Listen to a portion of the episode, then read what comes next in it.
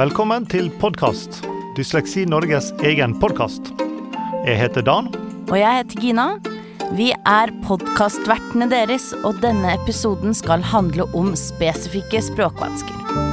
Nå skal vi høre en ganske lang prat mellom Dan og to eksperter fra Statlig spesialpedagogisk tjeneste, også kalt Statped.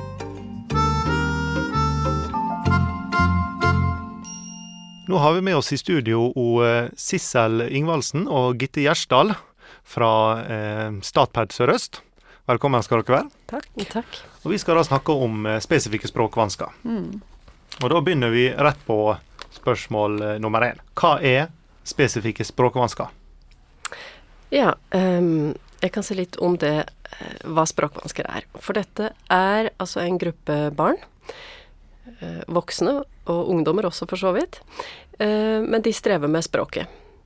Eh, det betyr at de kan streve med å forstå språklig informasjon, enten det er noe de leser, eller det er noe de hører sagt, men all informasjon som på en måte er språk og går inn via øret, på en måte, som du skal lytte til, ehm, det er vanskelig å, dekode og forstå.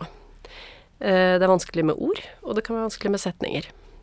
Eh, det er også barn som kan streve med å produsere språk, det vil si liksom uttrykke seg. I, i de på en måte eh, såpass lange setninger, da, og med det grammatikalske innholdet som du forventer på de ulike alderstrinnene. Det kan være vanskelig.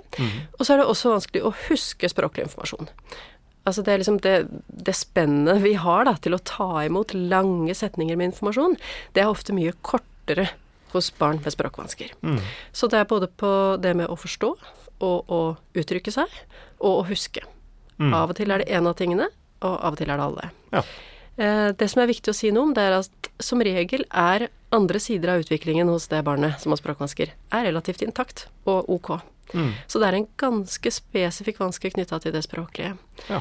Eh, Det betyr at eh, hvordan de tenker og resonnerer, eh, hvordan de ser og opplever ting? Det, det, er ganske, det er helt likt med andre barn. Ja. Ja. Ja. Ja, og så um, en, eh, spør du om spesifikke språkvansker. Og mest sannsynlig så er ikke det det kommer til å heite framover, da.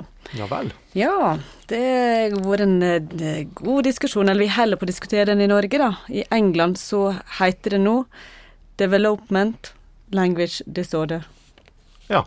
Er det, eh, siden dere har diskutert i Norge også, har dere noe godt norsk ord for det? Vi er ikke ferdig å diskutere, da. Nei. Eh, Men det det mest sannsynlig kommer til å ende opp med, med å hete, det er enten utviklingsmessig språkvansker eller språklig utviklingsforstyrrelse.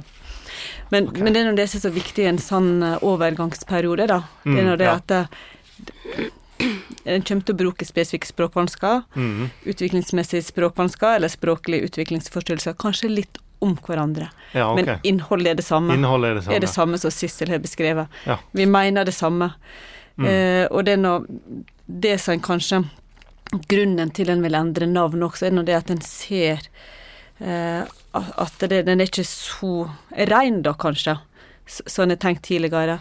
Nei, ok. Eh, Så han, han er litt, eh, litt, en litt romslig Ja. eh, eh, eh, ordsetting på det, da. At det, kan bety flere ting. Ja, altså at en vil favne flere, da, Ja, i den mm. diagnosen. Ja. Eh, ja. Ja, men det virker positivt, det.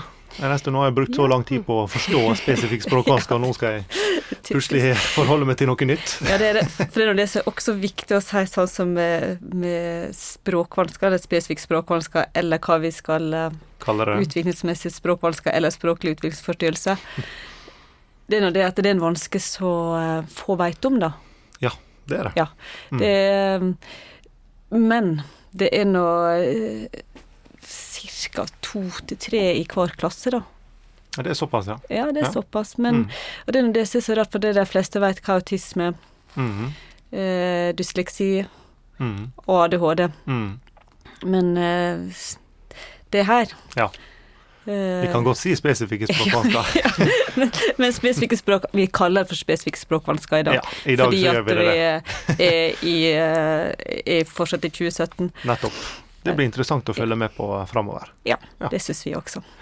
Men eh, vi har jo på en måte eh, noen litt sånn undergrupper da, Mm. eh, om eh, eh, som, som spesifikke språkvansker går under.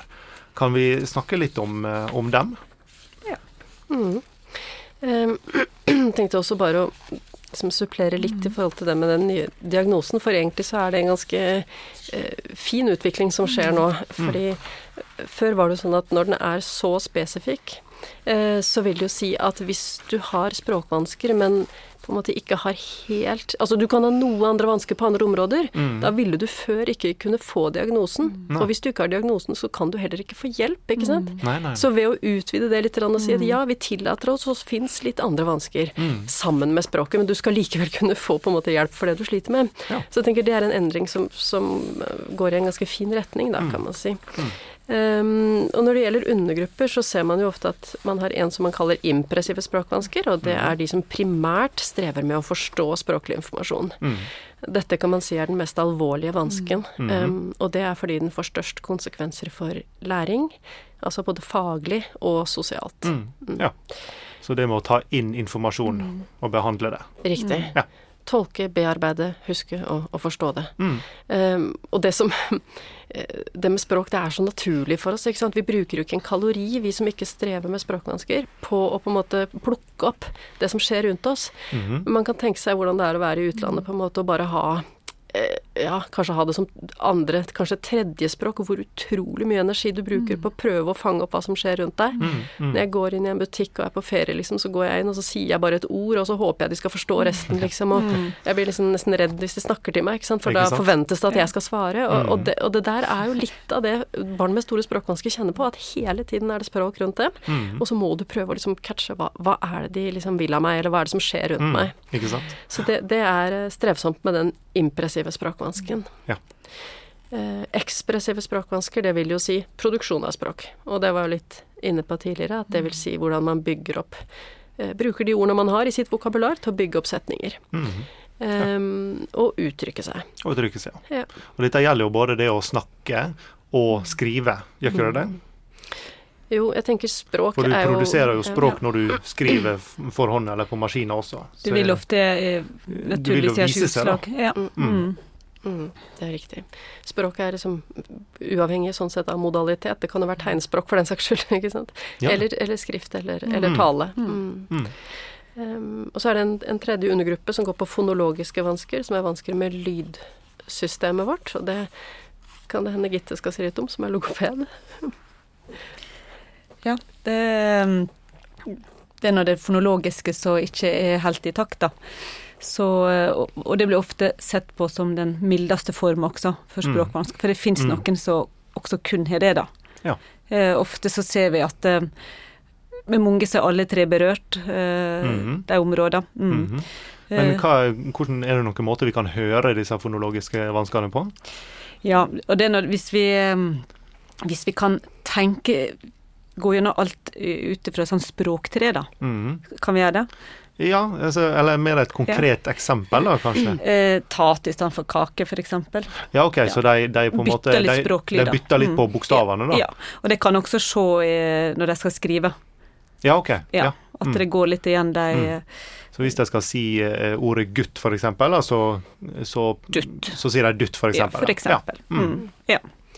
Det som kan være verdt å uh, merke seg, det er at mm noen har sagt at hvis du har fonologiske vansker, mm. altså vansker med lydene i språket vårt, eh, så vil du ha en uttale som er annerledes. Mm. Den kan være umoden og på en måte høres mer sånn barnslig ut enn den skal være, og den kan være helt sånn avvikende og helt mm. annerledes, sånn at det er virkelig veldig vanskelig å forstå. Mm. Eh, det som man skal si er bra, i mm. anførselstegn med det, det er at du, du hører at dette barnet har noe problem med språket ja. sitt. Ja, den er jo veldig synlig, kan ja, si, for omverdenen. Det er hørbart, og, og, da vil man på en, altså med en gang skjønne at dette barnet trenger hjelp, og vi må sette inn tiltak. Har du et barn med impressive språkvansker, mm. som på en måte har en mye mer alvorlig vanske, så er det vanskeligere å oppdage. Mm. Uh, så, så, der må man på en måte følge veldig godt med, altså. Må man ha alle disse her undergruppene for å, for å få uh, fastsatte diagnosen? Nei. kan vi ha eh, mm. litt av det og litt av det og, og ikke det, liksom? Ja, man må ikke ha alle disse tingene uh, for å få diagnosen. Um, F.eks. de med, med, store forståelsesvansker eller impressive vansker vil ofte ha en ganske sånn ren og ok uttale. Mm -hmm. De snakker heller Altså, de har få ord, og de snakker seint, men, men, men, vil ikke ha kanskje de uttalevanskene, så du må ikke ha alle. Nei. Erfaringsmessig da, så ser du det at, at alt blir kalt for spesifikk språkvansker, men det blir aldri eh, på en måte snakka videre om eh, i hva form, med tanke på at han kan ha forskjellige varianter. Nettopp disse her undergruppene som dere snakker om nå. Impressive vansker, ekspressive vansker og fonologiske vansker. Og sånn som jeg nevnte sjøl, så har jo jeg, har jo jeg impressive vansker, jeg har ekspressive vansker, men jeg har ikke fonologiske vansker. Mm. Og så er det andre som jeg kjenner, da, som kan bare ha ekspressive vansker, og kanskje litt fonologiske vansker, men ikke noe impressive vansker. Så det er litt sånn mm. Man kan nesten triks Eller ikke, mm. ikke, ikke triks, men, men, på en måte mikse litt, da. De undergruppene, og likevel få spesifikke språkvanskediagnosen, da. I hvert fall sånn jeg har mm. oppfatta det, da. Ja, og Mm. Og kan hende er det, er det, greit at man får vite at det er på en måte det navnet vi har på det, mm. og det er det eh, jeg som person går og sier at jeg har. Altså mm. jeg har dette problemet, jeg sliter med spesifikke språkvansker. Mm. Men når det kommer til type rapporter, hva som skal stå i en individuell opplæringsplan, mm. der må disse undergruppene komme fram, tenker jeg. Ja. Fordi det har jo så mye konsekvenser for hva slags tiltak man velger. Mm. Og, så, så, der er det helt avgjørende at det kommer fram hvilke undergrupper som er berørt. Og, og, og, når du spør hva kjennetegner de ulike gruppene, mm. så er det jo visse ting som forskningen viser at impressive språkvansker har større konsekvenser eh, faglig, sosialt, mm. eh, emosjonelt mm. enn disse to andre, ekspressive og fonologiske, som kommer mer til uttrykk så mye sånn ja, mer sinne og frustrasjon i ung alder, ikke sant? Fordi mm. du mangler evnen til å uttrykke deg sånn som du ønsker. Mm. Og da blir man sint. Ja. Mens det dabber av, og så har de relativt lite konsekvenser oppover i alder. Ja. Så der har du to liksom, i hvert fall hovedinndelinger. Mm. mm to store forskjeller. Mm. Og det er nok selvfølgelig viktig, og sånn som Sissel sier, at en må få, få, det beskrevet. For det, hvis en elev kun har fonologiske vansker, da, mm. så vil det være rart å sette en begrepstrening. Ja. ja. ja. Som en ofte vil gjøre med de som har forståelsesvansker. Ja, ja. Så, og så er det et litt interessant spørsmål som, eh, som slo meg for ikke så lenge siden. Mm.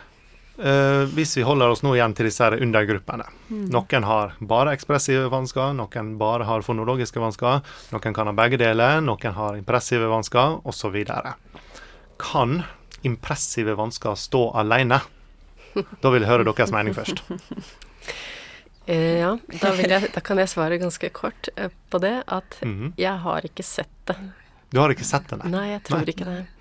Eh, for hvis du sliter med å være Altså hvis du er usikker på hva ord og begreper mm -hmm. betyr, mm -hmm. og forstå dem skikkelig, så blir det tilsvarende vanskelig å bruke dem korrekt. Um, så, så jeg tenker at sånn jeg har sett det, så henger det liksom naturlig sammen med mm. hvordan du uttrykker deg. Mm. Betyr ikke at det kan være variasjon, det kan være mye mer styrke i det ekspressive språket ditt ja, enn i forståelsen, men mm. jeg har ikke sett den sånn helt rene som du spør om nå, da. Ja, ja, den tror jeg ikke jeg har sett. Jeg støtter meg på Sissel, jeg også. Ja, ja for, for det, det, er nok som Jeg har en, en liten teori her. Det er at egentlig, som dere sier, at det kan ikke stå alene.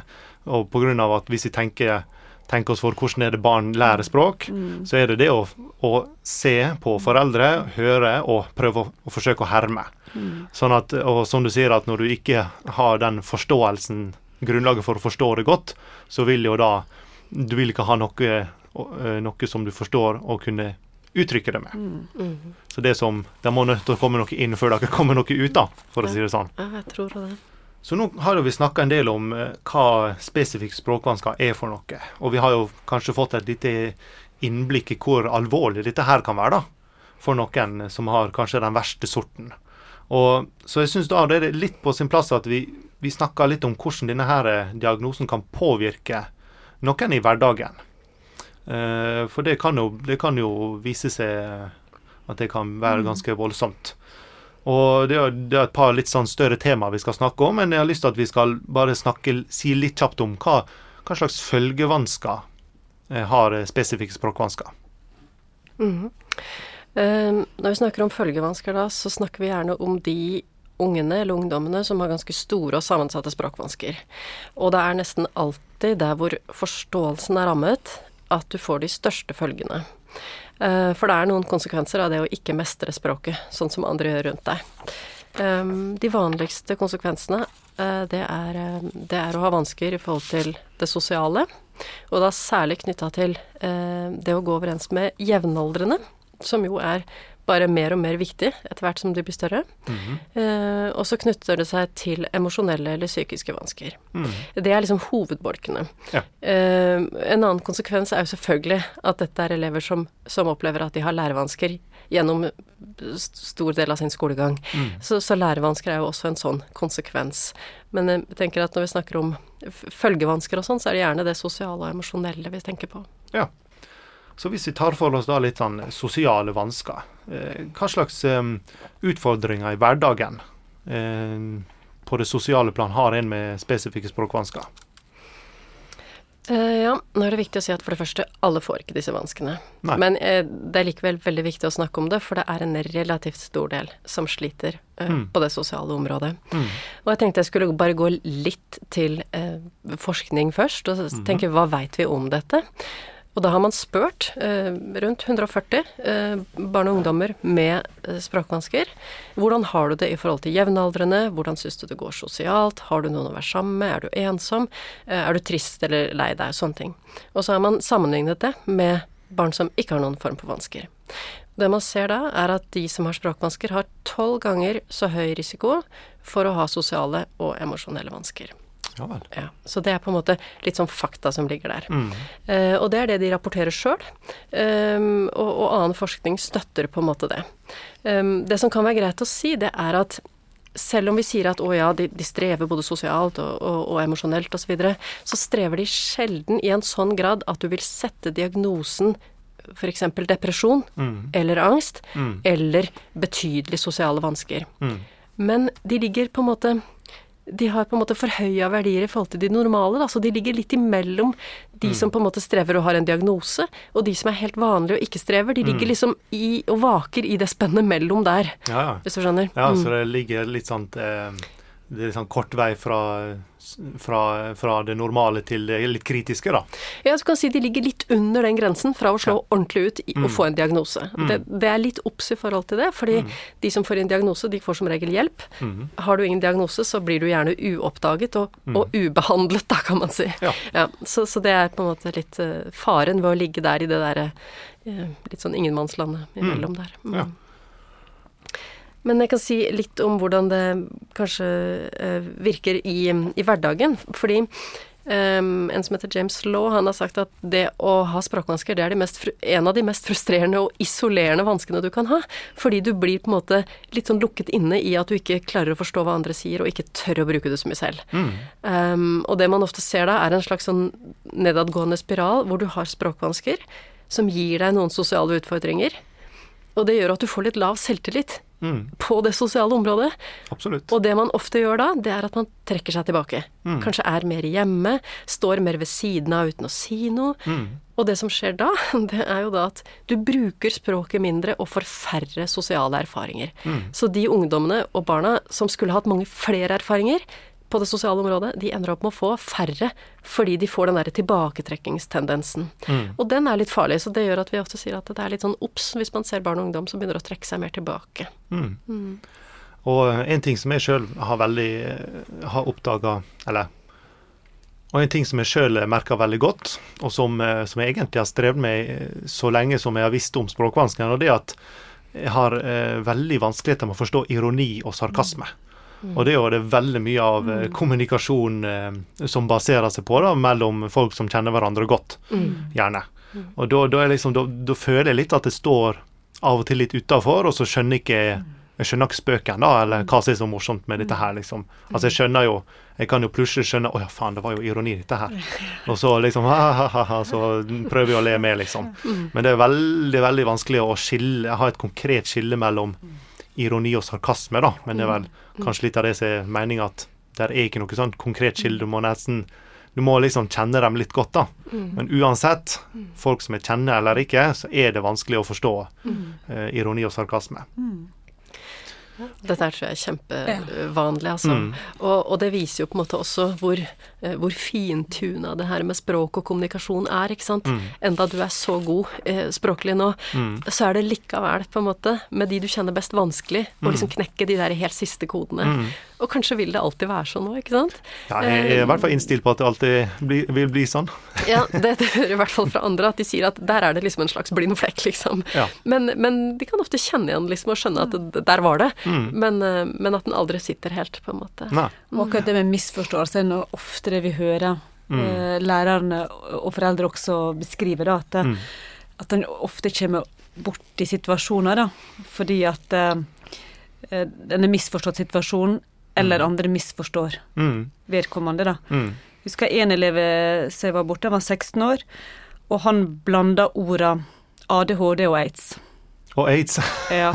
Så, og han øh, gikk i klasse med en elev, han hadde ADHD, og han ble rimelig forbanna da når han ble omtalt som mates. med. Men den eleven, for, altså min elev forsto ikke det, da. For han hadde noen tanker om at det var ADHD, han mente nå det. Ja, ja, Så det var en sånn misforståelse som vi måtte bruke litt tid på å rydde litt opp i, da. Mm, mm. Og så kan jeg jo, kan jeg jo si det at eh, korttidshukommelsen min, den er jo veldig eh, utsatt pga. språkvanskene. Fordi at den er, altså den er så elendig at jeg vet, vet ærlig talt Altså, jeg har lært meg til at jeg ikke stoler på den. Altså, jeg går på jobb, eksempel, så går jeg rundt med en eller annen liten notatlapp, en sånn gul lapp i lomma, sånn at jeg kan skrive eh, bare noen små notater på, sånn at jeg kan eh, fortsette hverdagen videre, da, uten å måtte kanskje gå tilbake igjen og spørre en gang til. For å liksom ikke bli altfor ineffektiv. Og, um, og, eh, og, sånn, og litt sånn hvis vi nå sitter i en lengre samtale, og, og um, jeg har lyst til å komme fram til et poeng, så kan det faktisk hende at jeg glemmer det første spørsmålet jeg stilte som førte til den samtalen. Så det er sånn, den er, den må, må, må være litt sånn påpasselig med å eh, passe på da, hele tida. Være litt sånn eh, vakt for seg sjøl om at OK, kjenner nå at eh, merk, altså, Er nå inn på riktig spor? Har jeg spora av nå? Jeg må, jeg må nesten, nesten kontrollere meg sjøl med jevne mellomrom. Jeg Syns du klarer det veldig fint, eh, Jo. Men det du beskriver, det med, med minnet, da. Mm. Det er også noe, ser vi at eh, det er et kjennetegn da, på de som har språkvansker, spesifikke språkvansker. Mm. Eh, så, sånn sett, og det er nå derfor vi tenker det visuelle er viktig, da. Ja. Mm. Fordi at da kan en støtte seg med å bruke øynene i stedet for å bruke minnet mm. for det en hører. Så Ja, for jeg er mye mer, er mye, billed, mye mer billedlig sterk Mm, ja. enn en at det er sterk eh, teoretisk. Ja, Mm. ja det, så det er ikke sikkert den podkasten her er for eh, alle med språkvansker. Søren, hvordan skal vi tilpasse dette, da? Vi får lage en video. Ja, vi får gjøre det. og så og sånn generelt sosialt, da, så, så merker jeg jo det at jeg, jeg, jeg har en sånn Av og til så kommer jeg til det stadiet at jeg har en generell mangel av energi. Altså, og, og et sånt Jeg føler meg sånn psykisk sliten hele tida, da. Det er sånn jeg, det, det er litt sånn at du, du ser på mobilen din, og så ser du dette her lille batteriet oppi hjørnet som som konstant står på rødt. Jeg har kanskje 1-2% igjen og skulle vært på lading. Og der føler jeg meg egentlig ganske ofte når jeg sitter og snakker med folk. Og, um, så det er liksom Det er veldig slitsomt å være sosialt. Men som vi snakka om tidligere, så er jo sånn hva, hva, man, hva man betaler, og hva man får ut av å være sosial. Det er jo så mye mer enn eh, enn en hva man betaler for det, sjøl om det av og til kan være en litt høy pris, da. Føles det ut som. Og så, um, og det at jeg, jeg bruker jo Jeg har en litt sånn eh, sammenligning da, på at jeg, jeg bruker så mye mer energi på å gjøre helt hverdagslige ting, i kontra veldig mange andre som ikke har språkvansker. Og da har jeg, da har en, jeg hørte om en, en, en hjerneforsker som hadde funnet ut av at vi bruker Hva det var da? 98% av alt vi gjør hver eneste dag, det er vanebasert. Det er ting som vi ikke tenker oss om at vi gjør. det. Vi bare gjør det pga. at kroppen har lært seg det, og så gjør det helt automatisk. Og, og det er liksom litt av sammenligninga der er at kan dere tenke for dere hver gang dere hopper, hopper inn i bilen, og så ser dere Shit! Her var det tre pedaler. hva var disse her betydde igjen? Og, og litt sånn er det for meg med språk også, at jeg er nødt til å på en måte lære meg det opp igjen litt og litt uh, hele tida. Altså, OK, der er gass, der er brems, der er clutch, og så lære seg å bruke dem igjen da, før jeg kan fortsette å kjøre bil, f.eks. Nå, nå var det litt sånn sammenligning, og sånn er det med språk også. At jeg er nødt til å tenke gjennom eh, OK, er det riktig å bruke de ordene her, og sånne ting. Sånn at, eh, sånn at jeg bruker veldig mye energi på å bare fokusere på å gjøre ting riktig også. Og litt av frustrasjonen som jeg av og til kjenner litt på, det er at, det at eh, alt, alle ser jo bare en helt normalt fungerende person, men de vet liksom ikke eh, hva slags kamp da som foregår oppi, oppi hodet på en. Ja, det syns jeg er en, en veldig sånn fin beskrivelse, egentlig, for det, det kan vi ikke se. um, men jeg tenker at det koster en god del. Det som på en måte bare klikker inn naturlig hos andre, Uh, det, det, hva skal jeg si, det flyter ikke så naturlig, ikke sant. Du må jobbes med hele tida. Og bare eh, tenke hvor mye vi skravler, på en måte. Åssen det språket bare strømmer konstant, nesten. Ja. Og når det da på en måte hele tida må jobbes med, så tenker jeg det må være veldig slitsomt, rett og slett. Og, Mm. og sånn i forhold til det sosiale, så Fordelen, syns jeg, med, med barn og ungdom med språkvansker, er at det nesten alltid så er det et sterkt ønske om å være sosial. Det er ikke sånn at de ikke bryr seg, eller at det er ikke så viktig for dem. Eh, det er mer at det er vanskelig for dem, men de ønsker det. Eh, og du har funnet gode strategier som har blitt voksen, ikke sant, med liksom å, å på en måte kanskje trekke seg litt tilbake og beskytte seg litt, men samtidig liksom være eh, der ute og vil ha med deg ting også, ikke sant. Jeg har prøvd og feila ganske mye Ja. på det sosiale plan, og det har slått veldig uheldig ut et par ganger, uten å komme inn på noen spesielle episoder.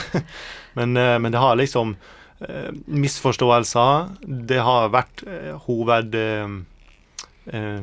kan du si, tanken min, eller noe som jeg har vært på vakt på hele tida. da. Eh, At det er liksom OK, nå er det en relativt stor, fa stor fare for at jeg kan misforstå, så vær ha disse her, disse her sosiale antennene litt ekstra ute. Og kanskje tenke gjennom før du sier noe.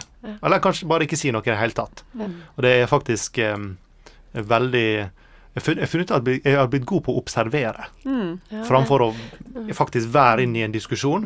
Så jeg så jeg er mye bedre på å skjønne en helhet hvis jeg bare står og observerer og ikke er så veldig deltakende, kanskje. da. Ja, og det er igjen en god strategi, ikke sant. Mm. Og man må ikke alltid melde seg på og, å, si noe hele tiden. Det går an å ta et lite skritt tilbake og bare Mm. lytte litt og se hvor går denne praten hen. Mm. Så demper man også litt sånn stresset hos seg sjøl. Mm. du kan si hos yngre barn som vi ser da som strever mye sosialt, så har de ikke liksom De har ikke kommet så langt i sin utvikling. Nei. Det er mye mer rett på 'får jeg være med', ikke sant. Og så Mm. sier de 'nei, du kan ikke være med i denne runden, vent litt, du kan være med i neste', og så, Mm. så løper de bort og roper 'jeg fikk ikke være med, jeg fikk ikke være med'. Ja. Altså, du, du, ikke sant? Du, du klarer ikke forstå hva som blir sagt til deg, og så på en måte går du litt i lås, og så, ja, så, så det vil være liksom grader, og det utvikler seg hele tiden, men Mm. eh, det, det som man ser at eh, personer med språkvansker er flinke til, det er det man kaller for prososial atferd. Og det dreier seg om å være hjelpsom, og være hyggelig, Ja. og liksom si 'hei, du, du mista noe, skal jeg ta det opp for deg?' Altså alle de tingene som går på liksom å ja, den der litt sånn sosiale smøringa i Ja, maskineriet vårt, ikke sant. Og, og der er faktisk barn med språkvansker eh, ikke noe dårligere enn andre. Nei. Så det er en ting som man går an å dyrke fram litt, for det gjør at man også blir mm, ganske godt likt av andre, ikke sant. Så, Ja, altså vi blir gode på sosialt glidemiddel. Det er jo kjekt. å noe sånt. Ja. Så, vi- men eh, er det noe vi kan si om om, om eh, forskjellige aldersgrupper? Hvordan dette her eh, utarter seg på det sosiale plan? Ja, men der kan vi igjen se litt at i, i, sånn mer barnehagealder, tidlig barneskole, så, så er det ofte mye mer sånn eh, Altså mer frustrasjon, mer, mer konfrontasjoner, mye misforståelser. Um, mens liksom i seinere alder så blir det mer det som du beskriver, at elever som er eldre, de blir stillere, trekker seg mer unna, står ved siden av, eh, prøver å le litt når de andre ler osv., for å skjule og kamuflere. For det er også noe som tar mye krefter hos de folka her. Det, det er det at det brukes så mye krefter på å skjule at du ikke henger helt med. Og det tenker jeg er slitsomt. Um, og når man ser på tall, hvordan utvikler det seg, dette med det sosiale, så ser man at vanskene er eh, på en måte de, de stiger litt fra barnehagealder opp mot 15-16 år. Mhm. Da er det på en måte, kan man si at det blir liksom litt og litt mer av det, og så dabber det litt av etter 17-årsalderen. Og det kan jo hende det er fordi at da gjør man litt mer egne valg, man begynner på en linje man ønsker selv, Mm. man velger sine egne venner, ikke bare de du må gå i klasse med, ikke sant, så ting roer Mm. seg litt etter hvert. Mm. Ja. ja da, det Jeg merker sjøl altså at det er jo ting som eh, gjaldt veldig når jeg var ti år, og rundt barneskolen og ungdomsskolen. Det er ikke så gjeldende i, i dag lenger, da, når jeg er blitt eh, voksen. Mm. Og, eh, så det er liksom andre ting man strever med da når man blir eldre. Mm. Da er liksom Når du er voksen, da er det voksenlivet som gjelder. Da skal du, og da skal du fungere i jobb, 100% gjerne. Du skal eh, fungere sosialt for å være såkalt vellykka, og folk skal like det. Og, og uten et, et godt sosialt nettverk, da, så, så, så blir du Så kan man fort kjenne på det som eh, På ensomhet, da, rett og slett. Og da, da er det liksom veldig lett å, å, å eh, så, så klart det er jo noen som liker å være veldig mye alene og sånne ting, men jeg tror innerst inne så, er, så ønsker alle en slags form for sosial kontakt. Mm. Det er noe som jeg, jeg syns er veldig universelt, da. Ja, det tror jeg du har rett i. Og det ser vi jo hvis vi spør råd til altså foreldre, så sier vi ofte sånn Ja, hvis Kan du fortelle meg hva, hva er din hovedbekymring, liksom, for barnet ditt? Mm. Og da sier nesten alle sier det at han ikke skal få venner, eller at hun ikke skal ha Mm. eh, gode vennskap i livet sitt. Ikke sant? Så, så før de begynner å snakke om skole, læring, lesing, Mm. så kommer dette her, ikke sant. Ja. Vil han få venner? Vil han få et ålreit liv? Mm. Um, så det er helt grunnleggende. Så tenker vi kanskje kan eh, gå inn på neste tema, da. Det er litt sånn psykiske vansker. Og jeg vil jo først begynne å si det at så lenge jeg har gått på skolen, så har jeg liksom har jeg alltid hørt at skolen skal tilpasse seg med. Men den tilpasninga stopper jo opp umiddelbart idet du går ut av skolen. Og hvor rusta er vi egentlig da til å møte verden som ikke er villig til å tilpasse seg en eh, uavhengig av diagnose, egentlig, når vi har fått så god tilpassing på skolen som vi kanskje har, kanskje har fått? Er vi liksom Bør vi begynne på et tidlig tidspunkt og si at vi bør kanskje forberede oss litt ekstra på voksenlivet med en tidligere, eh, ti, på et tidligere stadie? Litt åpent spørsmål, kanskje. Ja. Eh, Hva tenker du da på tidligere stadier? Eh, Tenker du på at en Nei, altså i, for, i samtale med foreldre, kanskje, at det, er, det må være en slags langsiktig plan på dette her, da.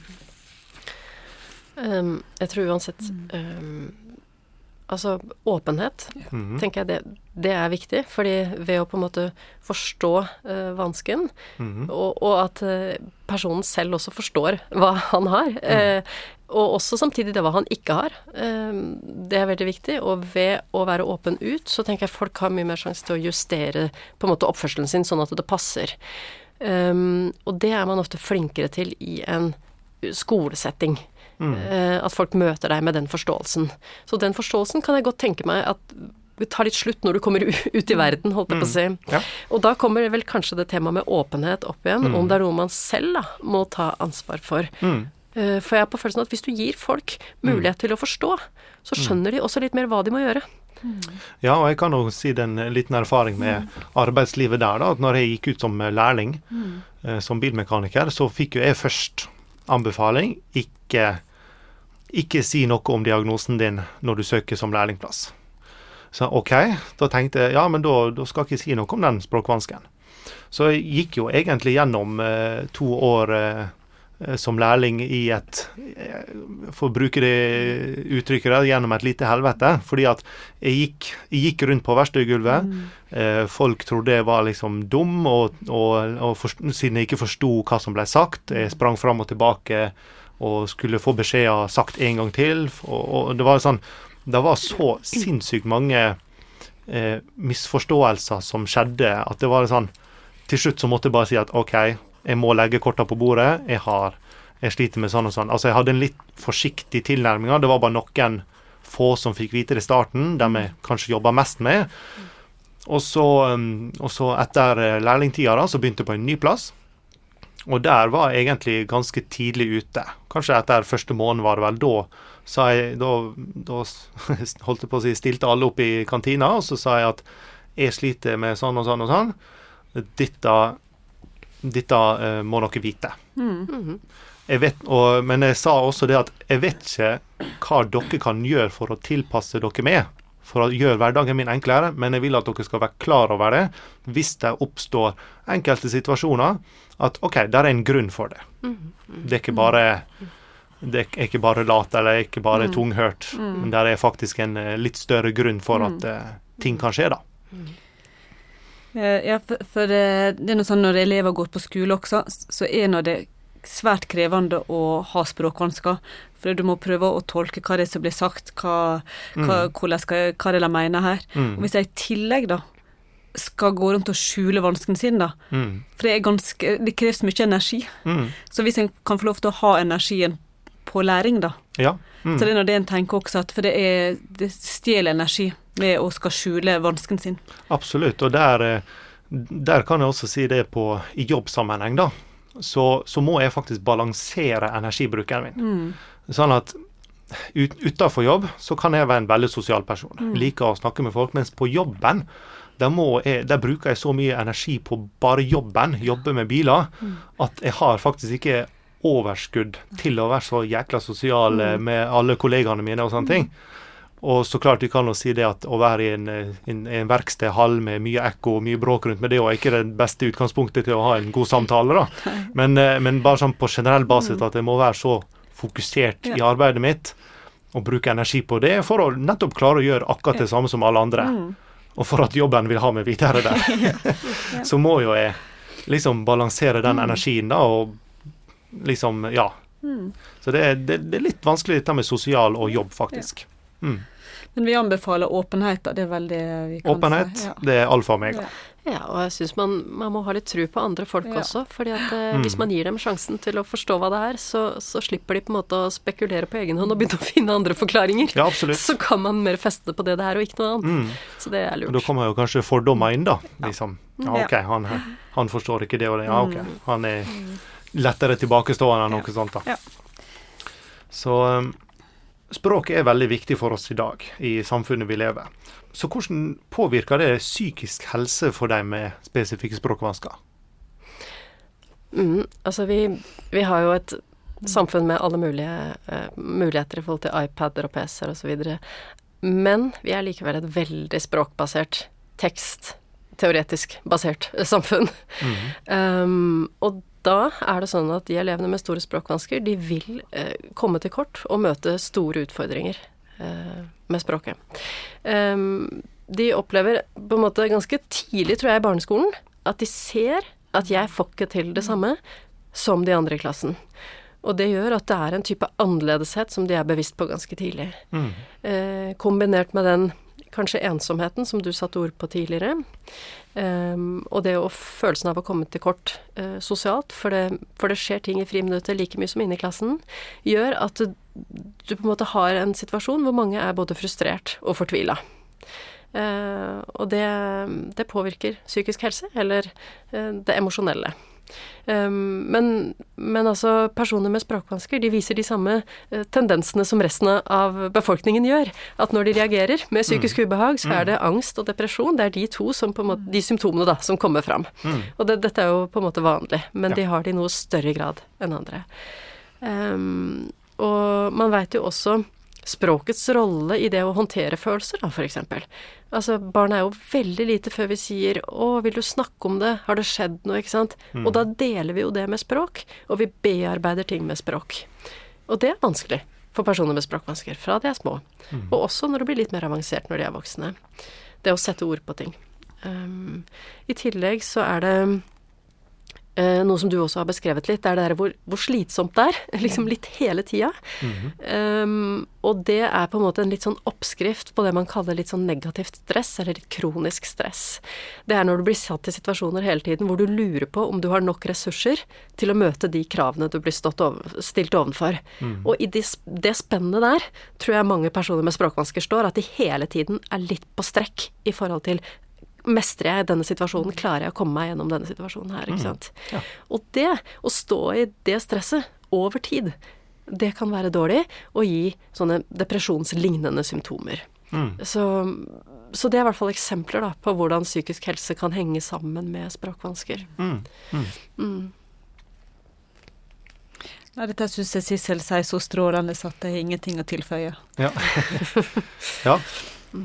Og, men um, fins det noe eh, Hva slags tiltak finnes det for å kanskje både forebygge og, og behandle disse her psykiske vanskene? Er det noen spesielle ting som må opplyses om? Eller Mhm. tas, tas tak i? Ja, altså vi tenker først og fremst at åpenhet er veldig viktig. Mm. Eh, for da vil folk rundt forstå, og ikke minst vil barnet selv eh, få et språk Mm. eh, til å forstå sin egen vanske. Og da slipper man også å gå og lure på er jeg dum, er jeg helt annerledes, er jeg helt utafor? Altså, for da begynner man liksom å finne egne forklaringer. Mm. Em, så det med åpenhet er veldig viktig for å legge ting liksom litt sånn ned. Mm. eh, på en enkel og eh, alminnelig måte. Mm. Um, I tillegg så er jo det med å ha noen å snakke med Mm. uh, eh, beskyttende. Ja. Um, og det betyr ikke at du må på en måte henvises til BUP og ha en time hos en terapeut, Mm. men at du har en som du har en trygg relasjon til. Om det er en forelder, eller om det er en lærer, eller om det er en helsesøster, det, det er ikke så Mm. farlig, tenker jeg. Men at man har noen man kan gå til og lufte litt sånn smått og stort. For det, Mm. Det er jo litt sånn forskjellige måter å reagere på. Noen barn de slipper ut litt steam hele tida, på Ja, ja, og ja. frustrasjonene kommer til uttrykk litt etter hvert. Mm. Og så har vi sett andre eksempler på unger som på en måte tåler godt å, å være på strekk, Mm. og, og takler veldig mye, men så kommer de kanskje til 15-16 års alder, og så smeller det så det sånn Mm. Så det braker, Ja, liksom. så det braker litt. Um, så det å kunne på en måte slippe ut litt over tid, litt, Mm. litt nå da, Ja. kan være beskyttende. Ja. Um, ja. Hvis jeg kan få komme med litt um, egne erfaringer rundt dette her, da. Og nettopp hvis vi snakker om dette med forebygging av disse her eh, kanskje al mest alvorligst, alvorligste psykiske tilstandene, da, så, så vil jeg si at det er ekstremt viktig at når, når de får vite at et barn har diagnosen SSV, så er det veldig viktig at barna også blir inkludert. De skal ikke nødvendigvis um, forstå det 100 for det, det sånn tar tid. Jeg begynte ikke sjøl å forstå språk, mine egne språkvansker helt før jeg var sånn, før jeg nærma meg 20-årsalderen. Og jeg jobber jo fortsatt med det. Det kommer nye ting hele tida som dukker opp. Men at, men at de, har, de har det i bakhodet hele tida. For eksempel, ja, du er på skolen, så, så, så kan jo barna gjerne lures, lure på det at hvorfor er det så vanskelig dette her? Da må rett og slett foreldre si det at ja, men du har spesifikke språkvansker, og da må man bare Da må man jobbe litt ekstra hardt for å oppnå det samme. Og sånn er det bare, rett og slett. Det er, sånn, det er, veldig vanskelig, det er en veldig vanskelig situasjon å stå opp i, det kan jeg se, og det har foreldrene mine vært i. Og, men det, er, det var sånn vi gjorde det, iallfall. At jeg har, fått, jeg har fått vite fra dag én av at jeg hadde spesifikk språkvansker, at jeg måtte, jeg måtte ut av klasserommet for å få egne timer, og jeg måtte ha assistent i klasserommet. Og jeg måtte, og jeg måtte jobbe ekstra hardt for å oppnå det samme. Og kanskje en ting som vi fokuserte spesielt på i skolen, det var at vi valgte å lære lite grann om alt, og ikke veldig mye om én ting. Sånn at vi, vi toucha litt alle temaene vi hadde, sånn for, og gjerne på forhånd, før den faktiske skoletimen eh, i klasserommet la med andre elever. Der, sånn at da hadde jeg en bekjentskap til det temaet som frøken snakka om. Altså jeg hadde hørt om det, og da var det lettere å henge det på denne, en sånn kunnskapsknagg, da. Der det hang noe fra før av som Å ja, der, der passer den kunnskapen. Siden der, der var liksom en sånn en liten, eh, en liten pinne fra før av da, som sa ja, OK, nå snakker vi om eh, matematikk. Ja ja, da, da visste jeg hvor jeg skulle henge det på den kunnskapsknaggen min, da. Og så eh, tenker jeg også det, er litt, det er litt viktig, sjøl om det er veldig vanskelig, at barna sjøl Kanskje, kanskje litt opp i, i når du nærmer deg rundt ungdomsskolen og videregående, at, at de sjøl begynner å rett og slett studere språkvanskene sine sjøl. Altså lærdommene, og så være litt obs på hvor er det, i hva situasjon er det den påvirker meg mest. Hvor tid blir jeg mest nervøs? Hva folk eh, det fungerer best å være sammen med? For, for, sånn som er, min, min språkvanske, den utar- utarter jo seg litt forskjellig etter som hva personer jeg er sammen med. Altså, foreldre, hjemme med familien min rundt middagsbordet, da er språkvansker nesten ikke til stede. Da er jeg liksom Da kan jeg prate og ikke ha noen problemer med å komme fram med det jeg har lyst til å si. Så klart jeg kan glemme litt av av og til, men noe vil jo alltids være. Men i en helt annen setting, på jobb eller på, ute i sosiale verden for, for øvrig, så vil den være mye mer gjeldende. Altså den vil være mye mer til stede. Og jeg, jeg må kjempe litt hardere for å eh, For å, jeg kan si gåsehudet, virke normal, da. Men det tenker jeg også er bra at man får utfordra seg sjøl hele tida. Ja, for det er nå sånn eh, alle har noen ulike roller Mm. når en er ute blant folk. Men det er noe spesielt viktig når du strever med noe, da, at en uh, veit kan streve med, da. Mm. Og for det nå ser vi ofte det at uh, det er lettere for kanskje elevene sjøl, eller barnet sjøl, når en på en måte er blitt sagt opp i høyt, da. Mm. Mm. At eh, det, det og det og det og det, det er Ja. vanskelig for meg fordi. Ja. Mm. En annen ting, sånn som du sier Da er det, veldig, da er det mye lettere å, å, å tenke over det sjøl og finne strategier på å unngå at uheldige situasjoner skjer. Ja, ja, ja. Så slipper en litt den åpenheten igjen, da, så slipper en bruke tid på å skjule den. Kan bare OK, Mm. det er vanskelig med å lære meg ord, derfor er det viktig for meg å bruke den strategien her. Mm. Mm. Eh, Så det du nevnte med det spesialundervisning som du har hatt, Mm. det er nå det vi heier veldig på, da. Ja. en såkalla rød tråd Ja. Mm. med det spesielle og det ordinære. Ja. At, den, at det er en sammenheng der som vi også syns er kjempeviktig. Helt klart. Og en annen ting vi også ser sammen med oss i, forhold til det å være ensom, da. Eh, For vi ser nå det at det er mange elever eh, som strever med språket, som føler seg ensomme, at ikke de eh, Jeg tror at det er de eneste i verden, da. Mm. Så, Mm. Som har den som, ja. vansken. Så vi av og til så har vi hatt grupper hos oss, da, og det er nå det akkurat det det de eh, Mm. går sånn åpenbaring. Oi, Mm. jeg er ikke den eneste som strever på skolen, ikke den eneste som syns det og det er vanskelig. Mm. Og det er nå tenker jeg en veldig fin jobb for eh, det dere også gjør, å samle foreldre og barn, da, Mm. som strever med språket, Mm. eksempel. Ja. Så det er fint dere gjør. Fortsett med det. Det skal vi gjøre. Ja. Ja, så må nå vi prøve å oppsummere litt kanskje det vi har snakka om. Vi har jo vært innom ganske mye forskjellig her. og Hvis vi har noen suksessfaktorer her, og det er jo gjerne det å ha tilpassa undervisning, og det å være åpen om språkvanskene sine, og generelt jobbe for at barnet skal bli, og ungdommen skal bli mest mulig selvstendig når voksenlivet begynner å melde seg. Ja, det er nå en helt enig i. Så er det det å kompensere for vanskene sine, da. Og det er nå på en måte å bruke det en trenger for eh, som bistand, da, som hjelp. Så er det også viktig å tenke på. Og da kan det være teknologien, Mm. for eksempel. -hmm. Og litt i forhold til um, det å ha en språkvanske. Um, eh, for å unngå at den får større konsekvenser enn det den trenger å få, eh, så blir det det å alltid liksom ha i bakhodet at de er i en risiko for å få mer sosiale og emosjonelle vansker enn andre barn. Mm. Og at man liksom alltid da sørger for å på en måte prøve å finne en balanse i livet hvor man må utfordre seg, og må ut og jobbe. og Mhm. eksponere seg Mm. på et vis.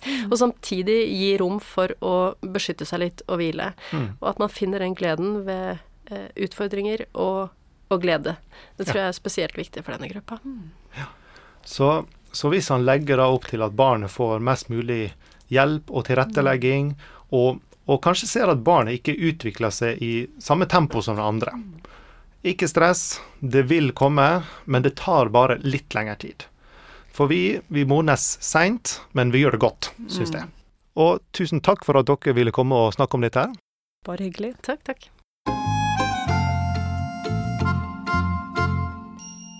Det var det vi hadde for i dag. Takk til Gidde og Sissel som kunne stille opp.